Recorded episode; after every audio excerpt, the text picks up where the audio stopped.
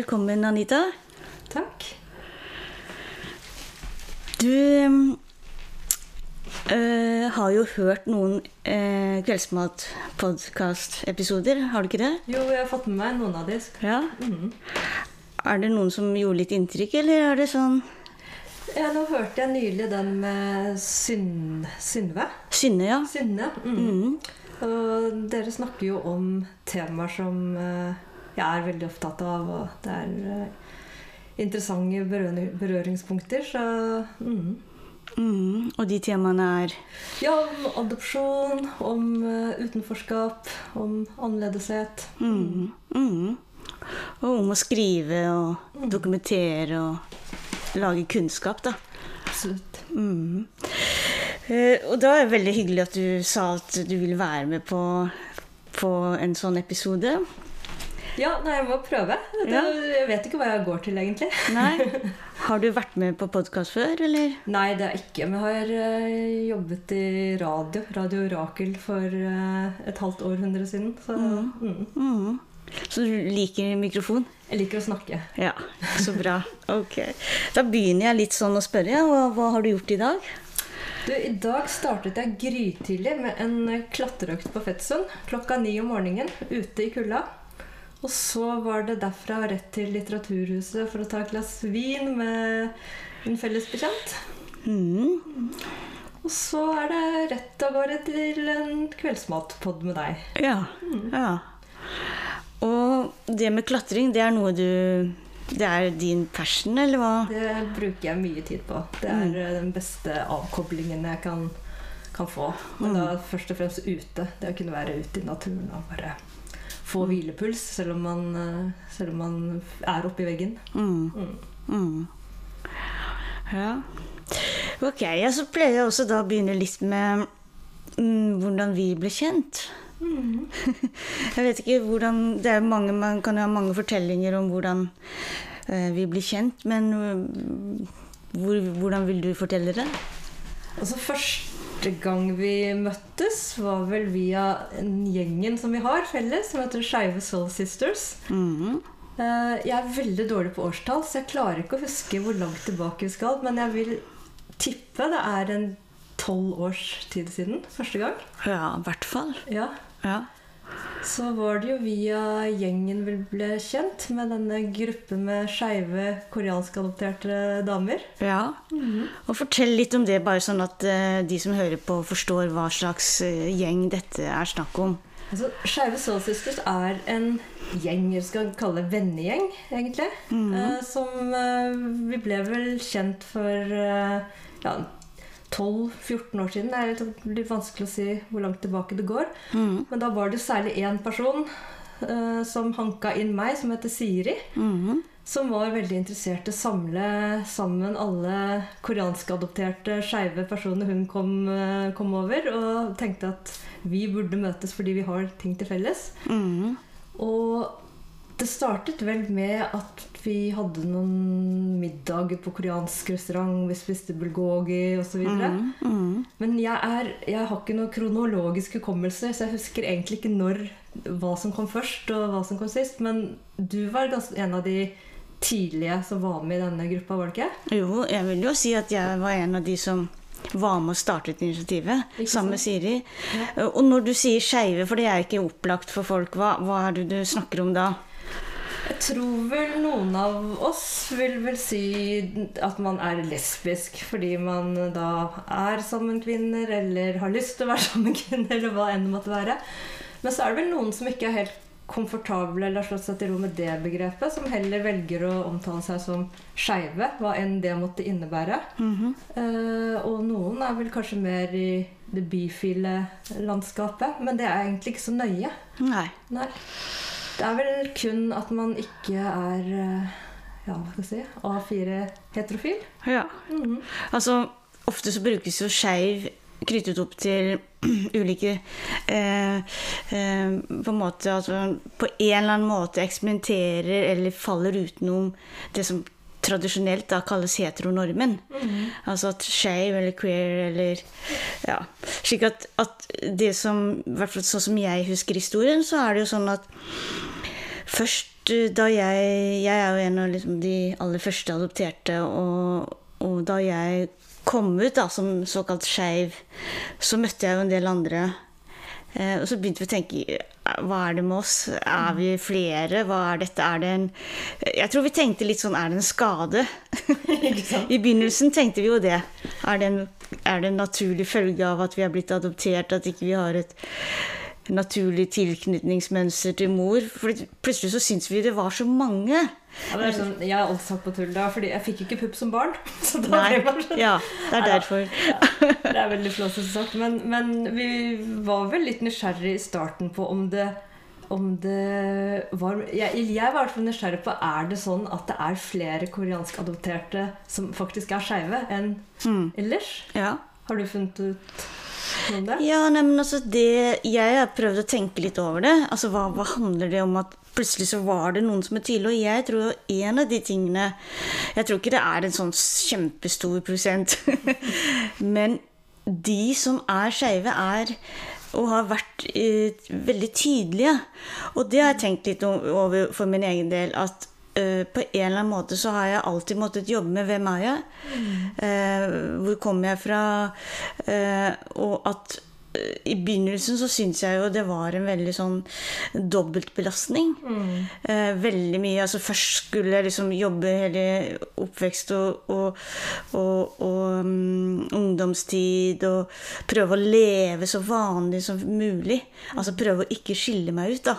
Det var jo noe av prosjektet mitt. Det har vært noe av prosjektet mitt. Og så oppdager jeg denne tiltrekningen, da. Som jeg, jeg tenker mye mer på sånn hva, Hvem er det du blir tiltrukket av? Og så kan man si at man blir tiltrukket av mennesket. Og det er jo det jeg holder fast på. Men så ble det jo iallfall flere at Plutselig så gikk det opp for meg at jeg kunne bli tiltrukket av kvinner, da. Og da syns jeg det var dobbelt belastende, fordi da måtte jeg fortelle foreldrene mine f.eks. at eh, ja, nå er det det også. Altså liksom Man legger på en sånn der tilleggsinformasjon eller tilleggsbelastning. Og jeg husker jo da jeg var i Korea første gang.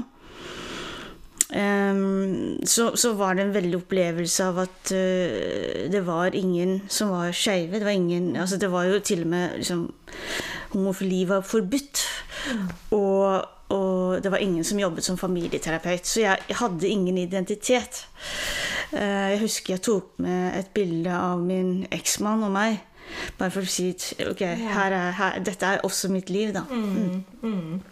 Men hvordan var det for deg å oppdage at du jeg tror vel jeg har visst at jeg var skeiv lenge før jeg kom ut som skeiv. Mhm. Så i mellomtiden så rakk jeg jo å være sammen med menn og få et barn. Fikk en datter i veldig ung alder. Jeg var vel 22 da jeg fikk henne. mm, Så det, og det var jo først etter det jeg kom ut som skeiv. Så det var jo en prosess uh, der. mm, Men det er klart, jeg kjenner meg veldig igjen i den følelsen at åh, enda, enda en greie. Liksom. mm. Hvor uh, Jeg har, har jo også på samme måte hatt bare hatt lyst til å blende inn, være så normal som mulig, ikke stikke meg ut på noe som helst vis. Og så klarer jeg i tillegg å være skeiv. mm, Mm. mm, Men eh, samtidig så har det jo eh, Jeg syns ikke det har vært vanskelig å være, å være skeiv sånn ellers. Det har vært veldig Aldri møtt på noen eh,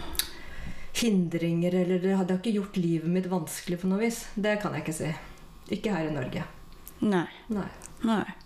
Men, men selv om du kanskje ikke har møtt så mye ytre problemer, så har vi jo snakket litt om om det allikevel at man gjør et sånt indre arbeid da, knyttet til denne dobbelt, dobbelt uh, annerledesheten. Jeg vet ikke om du kjenner igjen det? Jo, og det knytter seg jo til ulike situasjoner hvor man ikke syns det er ålreit å være så synlig, på en måte. da. Um, det kan være at man ikke som to kvinner har lyst til å gå og leie hverandre på gaten, for nå har man bare lyst til å ikke bli lagt merke til. Det kan være, så sånn sett er det jo mer eh, Hva skal man si man er litt ut og inn av det. Hvor, hvor syn, når ønsker jeg å være tydelig overfor verden, og når ønsker jeg ikke? Og det er jo klart i, ja, i jobbsammenhenger og andre sammenhenger hvor folk tar det jo for gitt, og særlig for de har barn, at eh, ja, men hva med mannen din, eller sånn, så det Skal jeg i denne situasjonen korrigere, eller skal jeg bare la det passere? Og så er det jo selvfølgelig når folk ser at de har tråkka litt feil, eller sagt noe, så er det jo veldig viktig da å prøve å gjøre det ikke så ukomfortabelt for dem. For de blir jo ofte veldig ukomfortable. Det morsomste er når jeg sier Nei, men jeg er, eh, jeg er skeiv, jeg er lesbisk. Å ja, jeg har også en eh, lesbisk dame på jobben. Hun er veldig ålreit. Sånne. Er, og da, da merker jeg at da får jeg så lyst til å glatte over, sånn at ikke det skal bli mm. ukomfortabelt for den andre. ser, Det ligger jo gjerne ikke vond vilje bak det. Nei, nei. Altså, det er jo ikke det. Nei. Men så da møtte du Skeive Soul Sisters. Og hva opplevde du at var em, Hva var på en måte eh, hva, hva slags fellesskap var det, og hva Til å begynne med så Ja. syns jeg ikke det var Altså det tok en stund før jeg opplevde det fellesskapet. For til å Mm. begynne med, når jeg ble spurt om jeg ville være med Skeive Soul Sisters, jeg treffe andre skeive koreanske adopterte, så var det masse som- som bare stritta imot i meg. Fordi jeg har på en måte hele tiden sånn prøvd å unngå å bli assosiert med andre asiatere. Eh, Jeg har syntes det har vært vanskelig å eh, ja, Hvis det har vært noen andre på skolen, sånn, så jeg har prøvd å liksom holde avstand. mm, Mm. Jeg har ikke lyst til å bli sett på som en, ja, en gruppe eller en kategori. Nei. Uh, og en annen ting var at jeg tenkte hva, hva har vi egentlig til felles, bortsett fra det at vi er koreansk adoptert og skeive? Mm, Men etter en ganske kort tid så skjønte jeg jo at der har vi enormt mye til felles. ja. Så det, det var en eh, Der gjorde jeg en stor oppdagelse. Ja. Mm. Og hvordan vil du måtte snakke om det? Altså, Hva var det som var felles? Hva var det du skjønte da? Hva var det du opplevde eller erfarte? Jeg tror at det først og fremst handlet om at de erfaringene som jeg har hatt i min barndom med min oppvekst, eh, som jeg har tenkt at det er bare mine, mine opplevelser, Mm, så viser det seg at de andre i gjengen også hadde hatt mange av de samme erfaringene og opplevelsene fra barndommen. mm, Uh, følelsen av å være annerledes, ønsket om å blende inn, få dumme kommentarer, få rasistiske kommentarer. Og så skjønner jeg at dette er jo ikke bare noe som gjelder meg. mm, Så det var jo bare en sånn følelse av at det jeg har gått og kjent på, mm, er, eh, er Det er felles. mm. Mm. Og det overrasket meg egentlig, for jeg har rett og slett trodd at ja, sånn har det vært for meg. Dette har vært min greie. mm. Mhm. Men dette tilleggsgreiene, da, med, med skeivhet Altså øh, eh, for, for det med å møte andre adopterte, det har jo jeg gjort. Eh, mange ganger og kjent veldig sånn berikende og veldig eh, gjensidig eh, opplevelse av erfaringer. Opplevde du at eh, det skeive miljøet tilførte noe ekstra? Eh, eller Det var vel en form for det, det legger jo på en måte en ekstra form for tilhørighet og hva man skal kalle det tillit, samhørighet. Mm. Det er ting som ikke trengs å forklares. Det er ingenting som skaper avstand. mm, Um, det, det er mange ting som ikke Premissene ligger der i bunn, så de treng, trengs ikke forklares. mm, Så jeg mener at det bare gjør at man på en eller annen måte kom, kommer nærmere, da. Og hva er det som ikke trenges å forklares, tenker du, for å konkretisere det litt? Ja, hva er det som ikke trengs å forklares? Um, det er litt Jeg tror det egentlig handler om at uansett, da, selv om man er i 2022 og, og um, det er ikke så veldig mye Ikke på den måten stigma rundt det å være, være homofil skeiv, så er samtalen rundt det Men når man ikke er vant til å snakke om det, det så er det ofte Folk vet ofte ikke helt hva de skal si, så det blir en liten annerledeshet der som gjør at man kanskje holder noe tilbake. Eh, man vil ikke være, snakke så åpent. Um, så jeg tror det bare legger et sånt lite ekstra filter på samtalen. Mhm. Mhm. Nei, for noe av det jeg tenker, da, som, som det fellesskapet tilbyr, er jo akkurat det rommet for at ok, én ting er nå liksom har vi vært barn og unge og prøvd å tilpasse oss og blende inn, og så, og så er det dette i tillegg. Og, og det, det har vært veldig sånn fint å høre de forskjellige dele de erfaringene om at ja, enten det har vært skam, eller det har vært stolthet, eller det har vært naturlig, eller det har vært Men det er akkurat som om eh, Som jeg tror er litt vanlig når du, når du føler deg annerledes, at du tar veldig ansvar for hvordan de andre skal motta annerledesheten. Og da er det dette her. Først skal du liksom være så synlig. Altså det er noe av det, de to tingene som markørene, eller hva vi skal kalle det. Altså, du er så synlig i utseendet ditt, og så er du plutselig så synlig i, i, i hvem du uh, tiltrekkes mm. til. Og det sånn dobbelt usynlighet uh, Eller dobbelt synlighet, men ja, ja. Ja, nei, det er jo Jeg, jeg tenker jo at øh, det at man er skeiv og eh, asiatisk at Det er klart det er de to tingene som gjør deg mest annerledes. Og når du da møter andre som er i samme, i samme situasjon, da, så er det klart at det er det mange ting man slipper å forklare. Ja. Man bare for, Mye er innforstått. ja. Og at en hvile i det. Ja. Ja. ja. Ja. det kan jeg kjenne igjen. At det er en sånn hvile i at ja, men uh, Vi vet noe om de prosessene vi har gått gjennom. Vi vet noe om at eh, Ikke sant uh, Ja.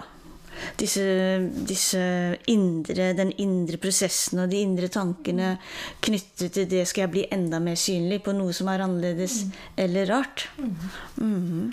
Men jeg merker jo at ikke sant, Jeg har jo eh, venner fra, fra ja, barndom og skolegang som nok syns at mye med meg er- Eller sånn Du er så eksotisk, på en måte.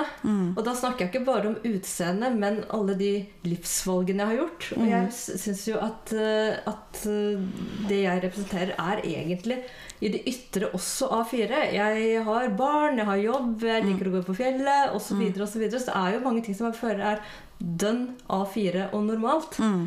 Men likevel så blir jeg sett på som en person som egentlig er annerledes. Mm. Og da tenker jeg, hva kan det være? Jo, det er det asiatiske, og det er det skeive. Mm. Og da å være sammen med en gjeng da som bare Det er ikke noe, eh, det er ikke noe vi, vi stusser over. Nei. Det er deilig.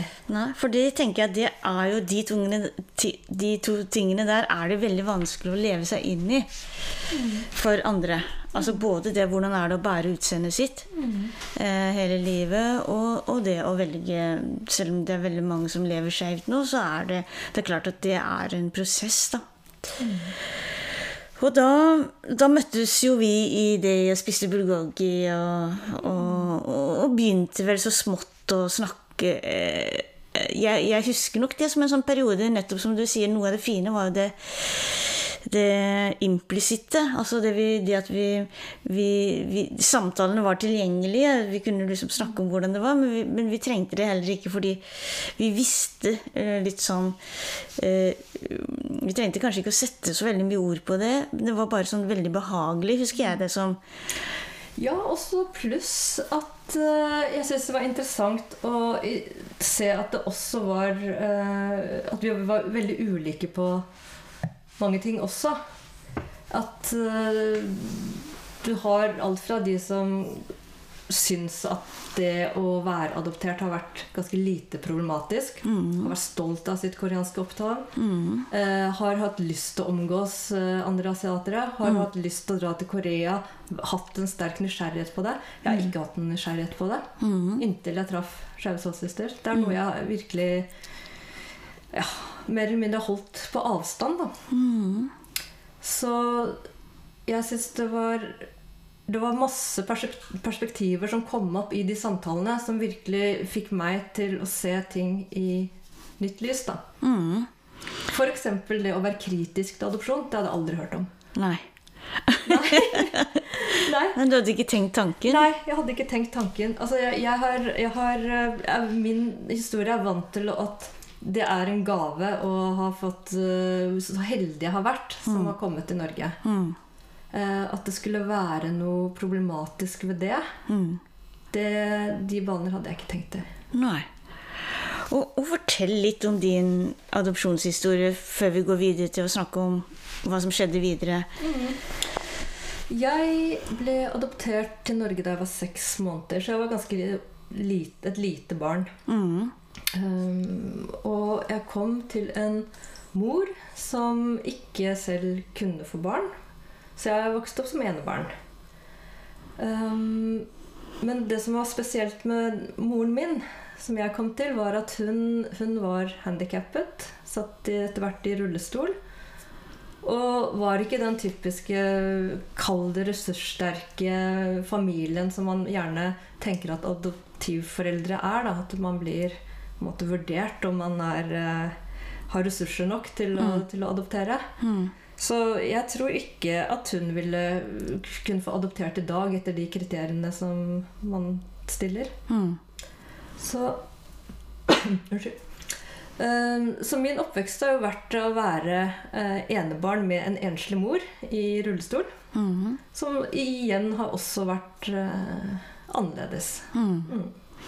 Mm. Og, og, og, for det er jo litt sånn interessant, fordi man har jo sånne ideer eller nettopp øh, forestillinger om at barn som blir adoptert, kommer til såkalt ressurssterke. Nå er jo det et, et veldig mm, eh, Ja, det er jo stereotypier, liksom, men hva er ressurssterk? Men, men du kom da til eh, et hjem med en mor som satt i rullestol. Og hva tenker du om, om det i dag, om din eh, oppvekst, eh, din på en måte eh, Ja, liv, barndommen din, rett og slett? Det som er ehm, Nå er jeg i ferd med å lage en dokumentar om Soul Sisters. Mm. Og i den forbindelse så har jo jeg eh, i mye større grad enn jeg noen gang har gjort tidligere, begynt å nøste opp i både barndom, i skam, i eh, opplevelser med det å være annerledes. Mm. Eh, det har vært så viktig for meg å ikke være et offer i, i noen som helst forstand. Så jeg har vel, vært veldig opptatt av at jeg kom til en mor som var Hun var ikke ressurssterk, men hun, jeg var veldig, veldig ønsket. Og jeg har fått bøtter og last med kjærlighet. Det har vært det narrativet som jeg har tviholdt i, da. Mm. Uh, og jeg har, men nå som jeg har begynt å gå veldig mye mer inn i, inn i egen barndom, så merker jeg jo at um, At jeg har skammet meg så mye, mye mer enn det jeg noen gang har ant. Eller vil si. Og det er først nå jeg klarer å si at det har vært mye skam eh, i barndom. Jeg har, eh, jeg har skammet meg over å ha en mor som ja, veide 100 kg og røkte 80 om dagen og satt i rullestol. Mm. Um, men jeg har alltid tenkt at hun har vært eh, verdens mest kjær kjærlige mor. Men det var så viktig for meg å stå oppreist for henne. Mm. eh, fordi, eh, fordi jeg har vært takknemlig for at jeg har kommet hit, og hun har tatt vare på meg. Men jeg ser jo nå som godt voksen at det har ikke bare vært bra heller. Det er ikke, det er ikke alt som har vært bra. Og det tar lang tid å erkjenne. Mm. Mm. Mm. Så det å ja, Jeg tror til ganske nylig så har jeg klart å bruke ordet at jeg selv har kjent på skam. For det har vært så viktig for meg å ikke kjenne på skam. Mm. Eller jeg skammet meg over å kjenne på skam. Mm. Mm. Og skammen over skammen. Ja. Mm. Ehm, er det sånn at du tenker For jeg vet jo vi har snakket litt om det noen ganger, at uh, venninnene dine sa jo at eh, De brukte kanskje ikke ordet omsorgssvikt, men at du, du, du skulle hatt mer behov, du skulle ha blitt mer fulgt opp. At du selv ble jo kognitivt mye sterkere enn moren din, mye raskere. Altså, det var en venninne som sa til meg en gang at Anita, du er sånn løvetannbarn. Og jeg ble rasende. Hvordan kunne hun si noe sånt? Jeg hadde verdens beste mor, ferdig med det. Jeg hadde en mor som var hjemmeværende. Som alltid var hjemme, eh, lagde hjemmelaget mat, bakte boller. Altså ikke kom og si at ikke hun har vært en god mor. Mm. Og så samtidig så har jeg aldri følt at vi At jeg på noen sett hadde noe likhet med moren min. Vi var dønn forskjellige. Ehm, hvis jeg skal si Jeg, jeg syns det er vanskelig å si det nå, men sånn Jeg vokste opp i et skikkelig harry hjem. Mm. Og det har jeg heller ikke turt å si før. Mm. Aldri at uh, jeg, Det føles som å um, Hva skal jeg si um, Det føles som å ikke være takknemlig overfor det hun har gjort for meg. Mm. Skulle kritisere hennes stil, livsstil, livsvalg. Mm. Mhm. Mm. Så det betyr jo at man blir et barn som øhm, Som både er adoptert, men så, og i tillegg føler lite Føler lite tilhørighet også øh, i familien. Den lille familien jeg var. Mm. Mm. Så på et eller annet tidspunkt så mm, er dere parallelle, og du vokser eh, kanskje forbi moren din. Men hun var nydelig. Hun, ikke sant? Sånn som jeg kan like å, fortelle da, at da jeg begynte å studere og tok et hovedfag i idéhistorie, så Ja. hadde moren min skrevet på en lapp 'Anita studerer idéhistorie'. som noen spurte, så tok hun opp lappen. Le- hun var jo ekstremt stolt av meg. Mm. Jeg var hennes store stolthet og lykke i livet. Mm. Og når jeg da selv ikke kjenner på den samme stoltheten Nå vet jeg ikke om veldig mange barn som går rundt nødvendigvis er stolte av foreldrene sine, men når det faktisk er mer problematisk Mm. Når min mor kommer inn i klasserommet, så stikker vi oss ut. Det er ikke bare at jeg skiller meg ut. Jeg har en mor som skiller seg ut. Mm. Med en stor elektrisk rullestol. Mm. Da um, Ja, da blir det avstand så stor mellom oss. Når jeg vet at hun er full av kjærlighet, og jeg kjenner på skam. Mm. Mm. Men det var ikke, nå snakker jeg ikke om den skammen at den var konstant til stede. Men den Nei, var nei, der, men jeg har aldri anerkjent den. Men du har aldri anerkjent den, for du har holdt veldig fast på takknemlighet og, og, og anerkjennelse av, av moren din sin kjærlighet. da. Og den er det jo ikke noe grunn til å tvile på. Nei, og pluss at jeg ville jo ikke skille meg ut. Det var det mitt Nei. største ønske. Så hvis jeg på en måte sa at dette er enda en ting Ja. Min mor sitter i rullestol, Mm. og jeg kommer fra et hjem som Mm. på et eller annet vis skiller seg ut i, i, i Bærum. Jeg vokste opp i Bærum, ja, i tillegg, ja. ikke sant? Mm. Eh, så ble det nok. Ja. Så da var det viktig for meg å holde fast i at jeg har kommet til verdens beste mor. ja. ja. Og hva gjør det med deg å nå se mer nyansert på det? Um, jeg tror det er godt. Jeg tror det kommer til å føre til gode ting. Mm. Men akkurat nå det, jeg synes det er vanskelig. Mm. Um, moren min døde i 2009. Så denne praten har jeg aldri fått tatt med henne. Det er sikkert ting jeg i voksen alder kanskje kunne snakket mer med henne om. Um, så den praten får jeg aldri tatt. Og hver gang jeg, jeg bare når jeg sitter her og sier det jeg sier, så sender jeg en tanke opp og sier litt sånn unnskyld for at det jeg sier Jeg føler at det sårer det jeg sier. da. Mm. Det er det som jeg syns er vondt. At Mm. jeg på en måte diskrediterer. Mm. Ja. Og samtidig så så tar du et perspektiv som, som også har vært sant for deg, da. For jeg tenker at noe av det som er det eh, fine og viktige i det du sier, er at du har vært så veldig lojal. Og du har vært så veldig eh, hensynsfull overfor din mor. Som jo jeg tenker er en, er en utrolig ressurs i den situasjonen. For du kunne jo blitt rebell. Du kunne jo gått på henne og gått løs på henne og alt. Men, men du har på en måte valgt det. Og nå, nå har du muligheter til å, å se at det er flere ting. Men jeg tror det er vanskelig. Jeg tror nettopp eh, at jeg kunne gått løs på noen som jeg følte var sterkere. Ja. Hun hadde mye smerter, hun hadde mye vondt, hadde masse å slite med. Så alt det hun eh, hadde til overs, Mm. det brukte hun på meg. ja. Og da å skulle gå løs på en som du allerede som barn skjønner er svakere enn deg, ja.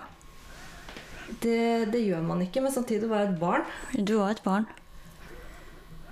Så hadde si hadde hun, hadde hun vært en mer ressurssterk person, så er det mye lettere å gjøre et opprør. Man kan bli sinna på foreldrene. Men jeg følte aldri jeg kunne bli sint for noe hun ikke kan noe for. Nei. Det, så jeg har ikke noe sted å rette noe, noe, noe sinne. Nei. Kan du kjenne at du har tatt med deg den skammen Man snakker ofte om å internalisere skam. Har du tatt med deg den skammen i videre i livet ditt? Ja, det begynner å gå opp for meg nå at jeg gjør det.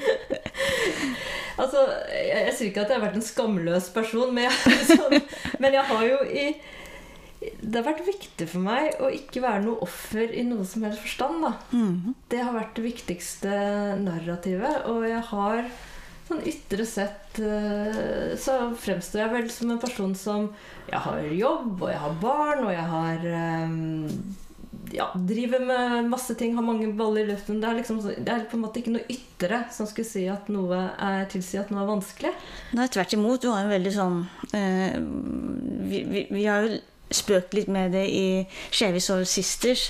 Altså dette med liksom eh, Ja, altså vi har, vi har, kommet oss opp. Vi, mm. vi, er slett ikke de som naver der nede. Altså det er en spøk, da, men det ligger jo altså et, et eller annet i den spøken at vi er de som har klart oss til tross mm. for mye.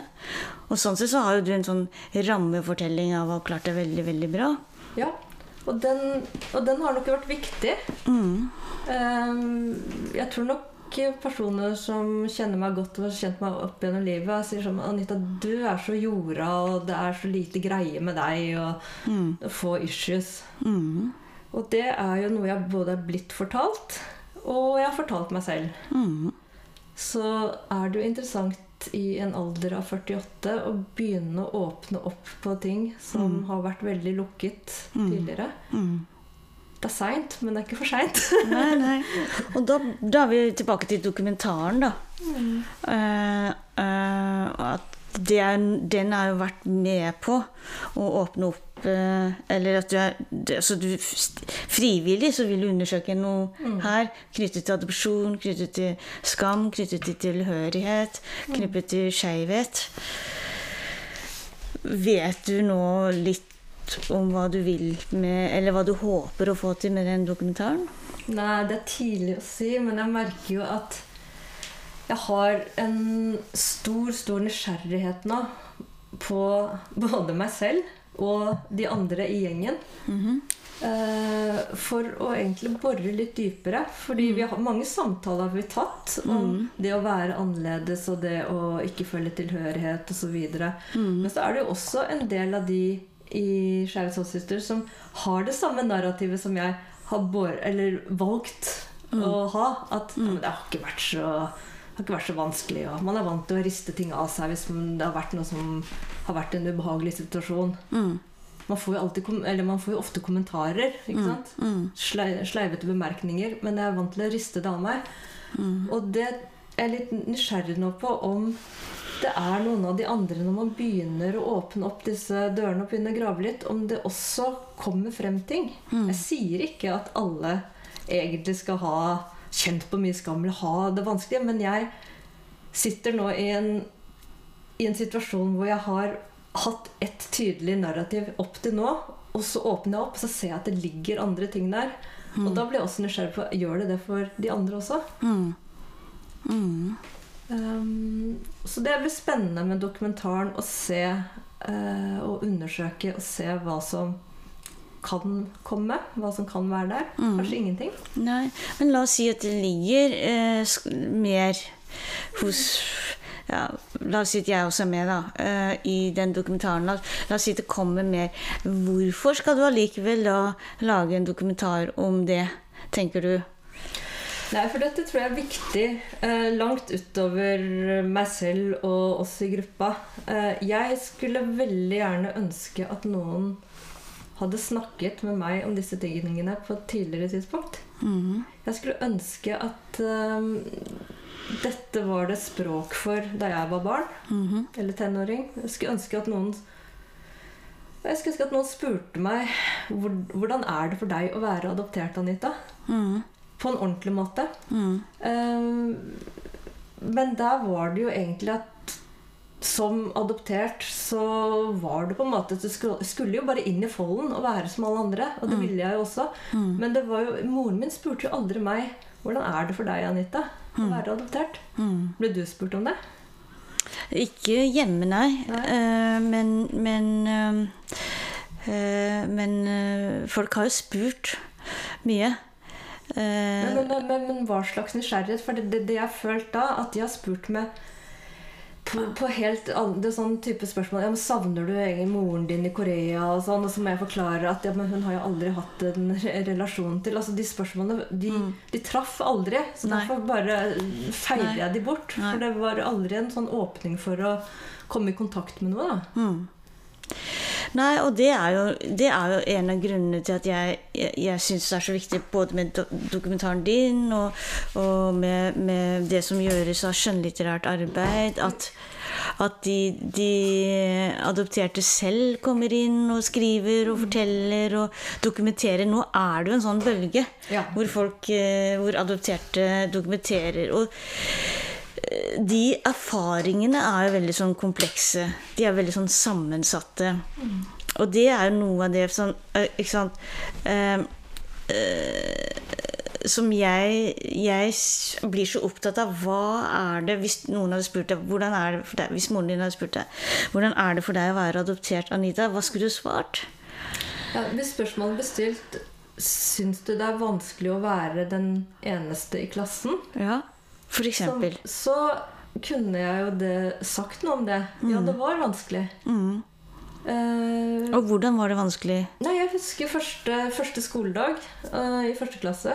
Mm. Så fikk vi sånn overhead. Sånn, vi skulle tegne profilen vår på et ark. Og så skulle Ah. alle elevene henge liksom, profilen sin opp på veggen. Og så var det én profil der som så veldig rar ut. Som var veldig flat nese og noe litt sånn munn og lepper som stakk litt ut. Og alle de andre barna sier 'det er deg, Anita'. Og jeg nekta. Mm. Jeg så ikke sånn ut. Nei. Og så går jeg hjem og ser meg i speilet i profil. Mm. Og så skjønner jeg at jeg ser helt, helt annerledes ut. Det er ikke bare det at jeg ser annerledes ut forfra, Mm. men profilen min er helt annerledes. Mm. Jeg har så flat nese. Mm. Og det var eh, ja, Det var veldig bra. Da, da kjente jeg på skammen. Det sånn, det er mange mange episoder opp igjennom hvor man kjenner at jeg vil ikke være den, andre, den som de andre peker på. Nei. Og dette er jo en veldig sånn viktig også tidsbilde. Jeg vet ikke hvor gammel Når snakker vi nå? Nå er vi på tidlig 80-tallet. Ja, så selv tidlig på 80-tallet så var dette eh, Ja, eh, på, på en måte annerledeshet. Nå er det jo i hvert fall en del som er um, blender inn, men, men jeg er veldig opptatt av den tidsepoken. Å være den eneste, være den første i klassen, være eh, ikke sant? I, I alle sammenhenger bli minnet om, da. Og da er det fordi at samfunnet Det er jo samfunnet som minner deg på annerledesheten. Den, den kommer jo ikke innenfra. Du blir påført den. Og så er det ikke bare at man er annerledes, men hva som ligger i den annerledesheten. Og de Jeg er veldig opptatt av de stereotypiene som asiatere gjerne har hatt langt opp til vår tid. Da, hvor hvor, um, eh, hvor asiatere blir gjort narr av. Eh, det er eh, sånn som nå, da. Så hvis man er asiat, så kan man være nerdete, eller man er eh, prostituert, eller vidunderbarnet, eller altså disse, Alle disse rollene som asiatere har hatt i film. Enten så er de jo onde eller dumme eller slemme. Altså det er stereotypier uh, i underholdningsindustrien som har vært kjempeproblematisk. Altså, jeg fant frem noen gamle klipp fra NRK hvor brødrene Dal sitter og gjør narr av asiatere. Det er masse humor opp gjennom 80-tallet hvor asiater blir fremstilt på en tåpelig måte. Og så sitter man og ler. Og så sitter man og ler av seg selv. Og det er Jeg husker bare det å sitte og synge 'Tre små kinesere' i barnehagen. Det syns jeg var flaut hver gang den sangen kom. Og det er det som jeg syns er vanskelig, at man Vi er øh, vi har de samme normene og kulturen på innsida, og så kan man samtidig eh, ikke helt identifisere seg med det fordi det slår mot en selv. da. Mm. Ja. Og jeg har vært alltid opptatt av å ikke se så billig ut. Ja, ok. Veldig jeg Utseendemessig. Nei, men altså, min, min mor sa til meg en gang og bare sånn, Da var jeg sikkert litt for ung til det. Så sier hun du må passe deg for eldre menn, for de liker sånne som deg. Mm. Mm. Ikke sant? Jeg vet jo hva som ligger i det. Jeg skjønte litt av det da. Mm. Men det er et veldig stort ubehag å vite at det, det kan også være blikket folk har på deg. Ja, ja, men altså det er det jo. Altså jeg tenker jo at eh, Jeg lærte et nytt uttrykk eh, her nylig, som mikroaggresjon. Og mikroaggresjon er jo eh, alle disse eh, eh, På en måte De trenger ikke å være aggressive sendt fra avsender, men det er en form for aggresjon, eh, strukturell, systematisk, mot eh, f.eks. Eh, andre etniske grupper. Altså sånn som jeg tenker at et, et sånt uttrykk er jo et, et, at det at det hele tatt noen En datter må høre at du må passe deg for eldre menn, for de liker deg. Der ligger en allerede en sånn mikroaggressiv eh, Ikke fra moren din, men, men som er gjennom moren din. Da. Og hvis du får mange av de gjennom livet det er noe av det som jeg er opptatt av med dette med adopsjon og antirasistisk arbeid og alt dette. Eh, Formidle hvordan, det, hvordan den adopterte eller, eller den brune eller den sorte eller hva det er for noe, eh, tar imot og jobber og håndterer og lager strategier for å møte alle disse små eh, mikroaggressive utbruddene. Da. Men det er jo ikke noen det er veldig vanskelig å konfrontere folk når man blir utsatt for det. Altså sånn, det er en sånn episode igjen fra, fra barndom til ungdom hvor jeg sitter på en bussholdeplass. Og så sitter det en uh, gammel dame ved siden av meg, og så hun, snur hun seg mot meg så sier hun ehm, Liker du poteter? Mm. Ja, jeg liker poteter. eh, Godt, det. Ja, men du spiser vel mest ris. Og den er grei. Og så plutselig da, så følger hun opp med Du har nok veldig godt syn, du. Og så sier jeg godt syn? Hva men, jeg skjønte ikke. Så sier hun ja, for dere lager jo så nydelige broderier. Og det er, altså, det er en måte å sette, altså, å sette meg som noe helt Hva er det hun har sett? Jo, hun har bare sett en asiat som sitter der og syr og spiser ris. Det er liksom det, er- Og det er ikke sånn man setter i gang en samtale. Så Nei, nei. hvorfor kan hun tillate seg å starte en samtale med meg på den måten? Men det der så, sant, så, så er det såpass ubehagelig at jeg bare sitter og ler på en Ja. dum måte. Ja.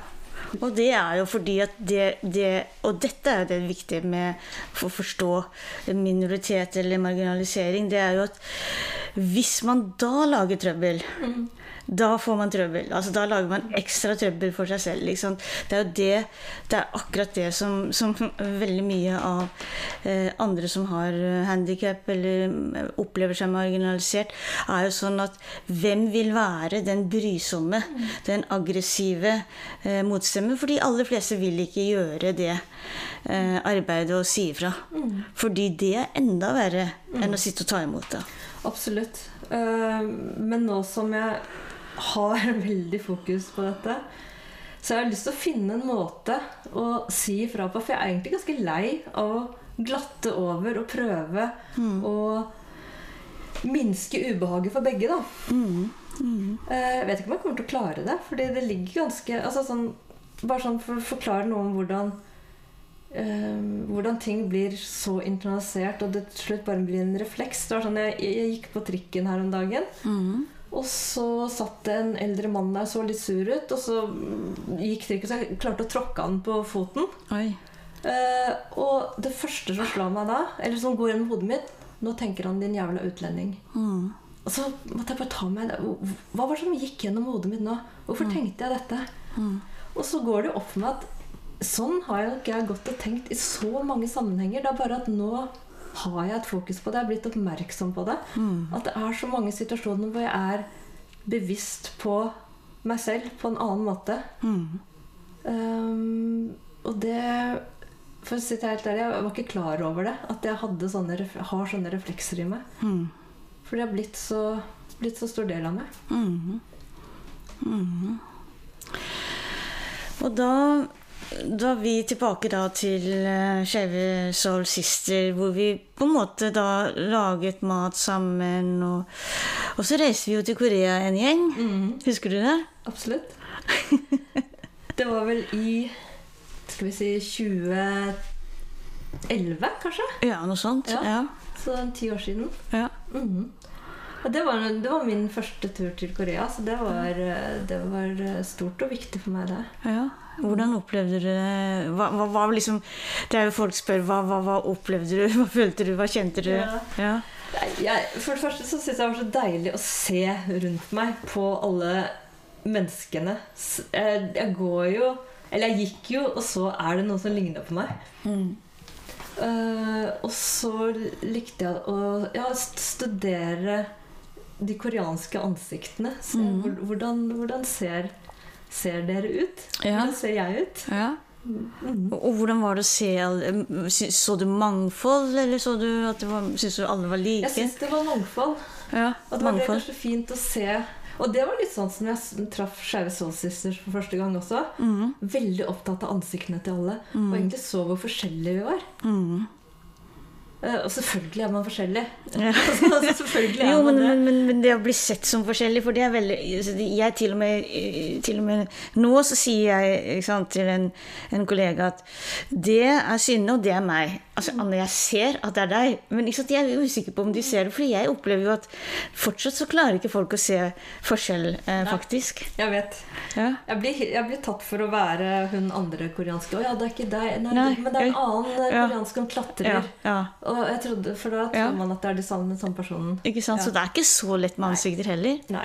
Nei, men det var, det var en veldig deilig opplevelse å bare liksom Dels bare kunne blende inn Mm. blant mange som så ut som deg selv, og så samtidig liksom se hvor forskjellige folk var, da. Mm. Men skjedde det noe med deg følelsesmessig eller emosjonelt? Altså, for du var jo litt sånn, som du sa før, så var du litt sånn altså, eh, Hva skal du si laid back til adopsjon og til opphav og til eget land. Og, hva opplevde du da du Nei, altså jeg, jeg var jo og besøkte barnehjemmet, mm. Holt, eh, hvor, jeg, eh, hvor jeg var i perioder. Så før jeg ble adoptert, så var jeg dels på barnehjem og dels i fosterhjem. Mm, mm, Eh, og det var spesielt én ting som gjorde veldig inntrykk på meg. Det var, Jeg fikk bla i mappa mi. da. Det får jo alle som kommer på besøk. Og så vet jeg veldig godt at det står ikke noe vesentlig i de mappene de gir ut. De har kanskje andre mapper hvor det er andre opplysninger. Men uansett, i denne mappa så lå det et lite bilde av meg, av meg i bunad. Eh, norsk bunad. Og da skjønner jeg at moren min hadde sendt et bilde ned til barnehjem i Korea. Og kanskje litt sånn for å vise at det går bra. mm, Og da fikk jeg så veldig sterk opplevelse at det er jo en link.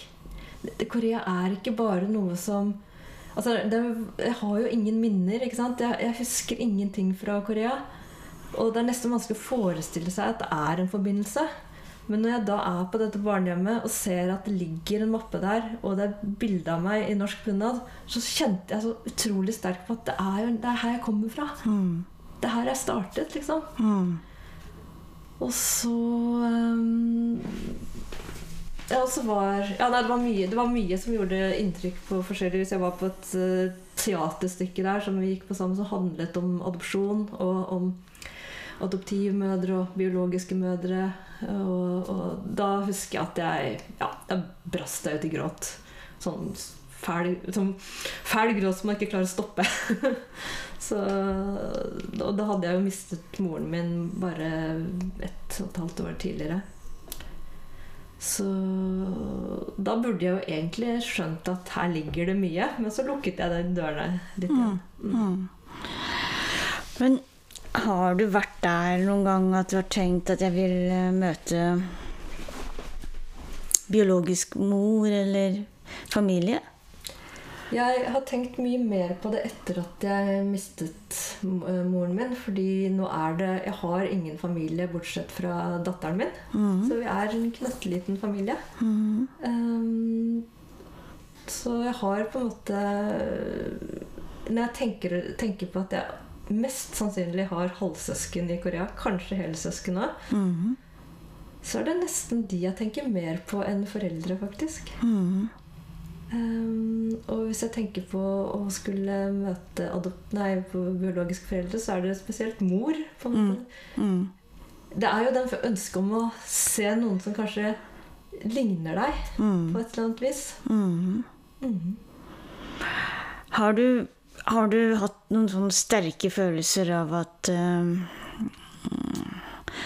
uh, At eh, det ville vært viktig for moren din, f.eks.? Å se deg? Eller er det mer sånn din nysgjerrighet eller en undring? Jeg syns det er veldig vanskelig å få forestille meg Mm.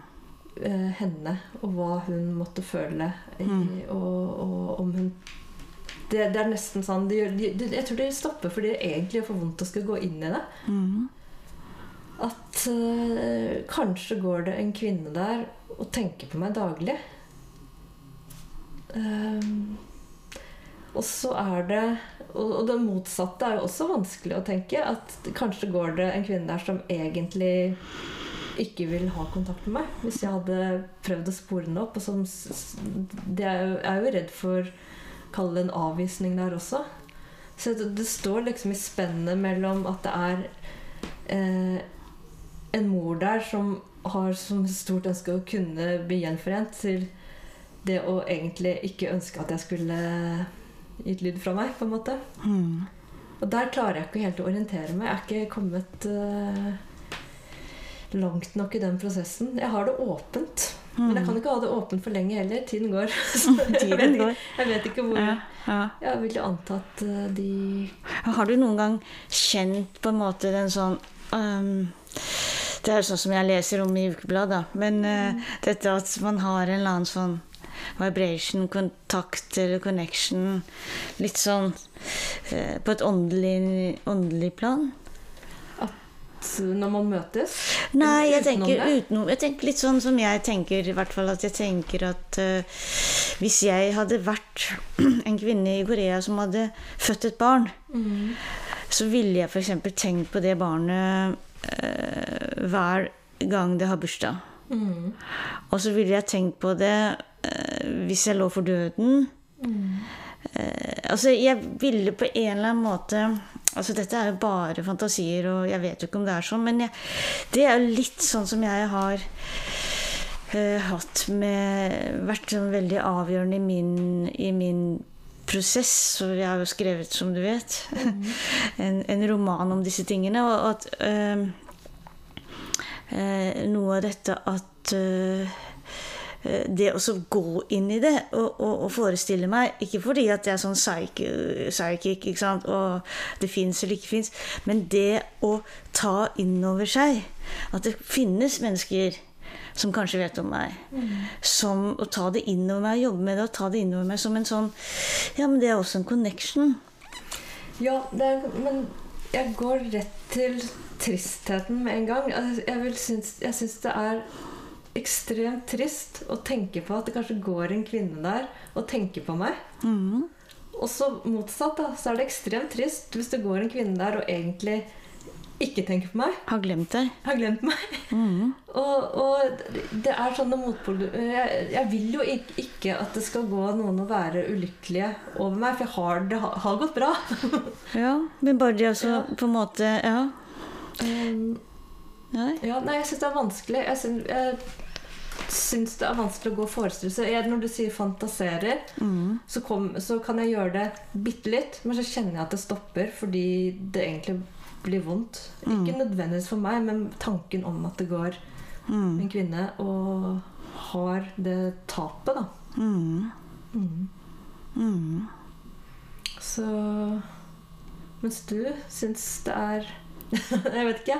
Det, hva, gjør at du, hva gjør at du vil så gjerne inn i Jo, for, for meg er det Det er jo det jeg har prøvd å skrive frem. eh, Er at jo mellom de to tankene Den ene er forlatt og er bounded, altså avvist.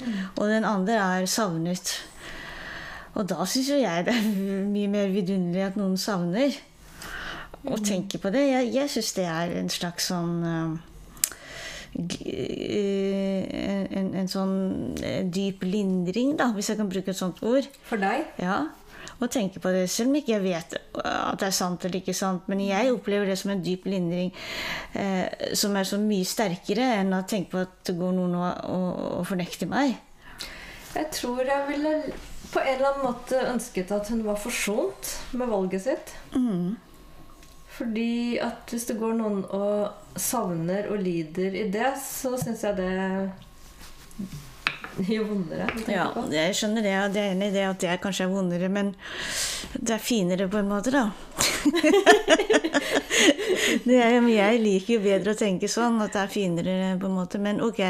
Nei, altså jeg tenker jo eh, Jeg håper at uansett at det er en forsoning, og det er jo den jeg prøver å skrive frem når livet ble som det ble, og jeg tror jo at det er noe av det um, viktige arbeidet som vi adopterte kan gjøre, det er jo på en eller annen måte å forstå at eh, de som sendte oss eh, bort, mødrene primært, hadde lite valg. Og samtidig så tenker jeg at det er mulig å være kritisk til ordningen. Altså jeg tenker liksom at det må være mulig å gjøre flere ting på samme tid. da. Ja. Nei, jeg har ikke lukket den døren. Eh, Det kan godt være at jeg har lyst til å undersøke mer, men jeg har ikke det er, Jeg har vært innom det mange ganger opp igjennom. Mm. Og så har jeg bestemt meg for nei. Jeg Mm. Nei. Nei, og jeg tenker veldig mye altså, det, det er jo fort gjort å romantisere noe sånt og, og alle de tingene. Det som jeg syns har vært noe av det fineste med ideen din med dokumentaren, det er jo det at vi hvis det blir noe av, skal dra til Seoul og, og være med på mm, Pride. Det, er, det har vært egentlig hovedmotivasjonen min for å si ja til å være med på en sånn. For, jeg, for meg er jo det en måte å gi noe tilbake til Korea på. Og ikke minst til koreanske skeive som, som på en måte har slitt mye mer med å bli akseptert og bli eh, forsonet.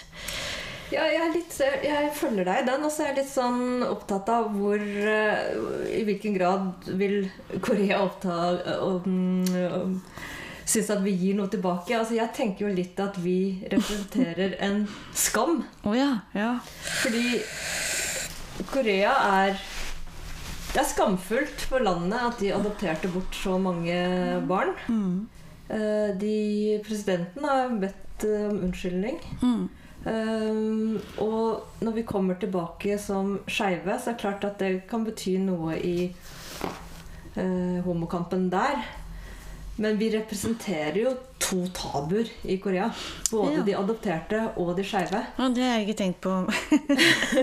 Men, men det er det jeg syns er interessant, da, hvis vi kommer tilbake og vi Ja, ja. prøver å få attention. ja, Og være ekstremt synlige som adopterte og som skeive. ja. Hva vil reaksjonene være? Ja, det er et veldig godt spørsmål. Men jeg tenker jo at, at ting har jo endret seg, og endrer seg veldig fort også i Korea når det gjelder den, den skammen. Eh, og, og noe av det viktigste med skam, det er jo å ta på seg ansvar. Og det er jo det først liksom på en måte Så hvis de tar på seg ansvar Men det, det er klart, eh, hadde vi kommet tilbake og vært litt sånn Ja jeg skjønner høyere stillinger eh, og, og komme tilbake med liksom familiene våre og barnebarn og, og alt hadde sett på så, så kanskje de hadde vært mer populært. Det ser, det ser jeg nå, da. Ja. Men jeg tenker ikke på Korea, myndighetene. Jeg tenker jo mye mer på de skeive i Korea. Ja. Ja. Det er de jeg tenker på å gi tilbake til. At, eh, at eh, jeg, jeg syns det har vært utrolig kult. Nei, det er Jeg har tenkt mye på at liksom, vår eh, oppvekst og vårt liv i Norge, så har det jo på sett og vis vært, hvert for min del, vært mindre problematisk å være skeiv Mm. enn å være adoptert og ha et asiatisk utseende. Absolutt. Mens i Korea så blender jeg jo inn utseendemessig, Mm. men der er det ikke like greit å være skeiv. Mm. Så det som Tror du at du hadde vært skeiv hvis du hadde vært i Korea? Og det har jeg tenkt på mange ganger. Det er lurt på mange ganger. Og jeg tror jo ikke det. Ehm, og samtidig så Nå leser jeg akkurat nå en bok av um, Maya Lee Longwad, hvor hun har eh, er bare helt i starten, jeg vet ikke egentlig, men fått en koreansk kjæreste og eh, kvinne. Og, og hvordan de forhandler og snakker om dette, så mm, Nei, det er et veldig godt spørsmål. Altså, hvem hadde jeg vært hvis jeg hadde blitt i Korea? Eh, hva tror du om deg selv? Nei, det er det. Altså, man kan jo alltid Ofte har jeg tenkt at eh, ja, kanskje jeg hadde vokst opp under helt andre sosiale kår, og jeg hadde neppe kanskje studert, eller hva enn det måtte være. Mm. Men når det også slo meg at kanskje jeg ikke hadde vært skeiv, Mm. altså, da blir det enda vanskelig. For, men hvem hadde jeg vært da? For det er jo så stor, Mm. stor del av identiteten min. Ja, og, men skulle du ønske at du hadde vært det, hvis du hadde blitt boende i Korea? Det er veldig vanskelig å svare. Jeg kan ikke forestille meg noe annet, egentlig. enn en at det hadde vært seg? Det er vanskelig å forestille seg nå. Mm. Kanskje det hadde vært en sånn tradisjonell husmor eh. Med en elskerinne på si. Ja, kanskje det. Kveldsmatpodden.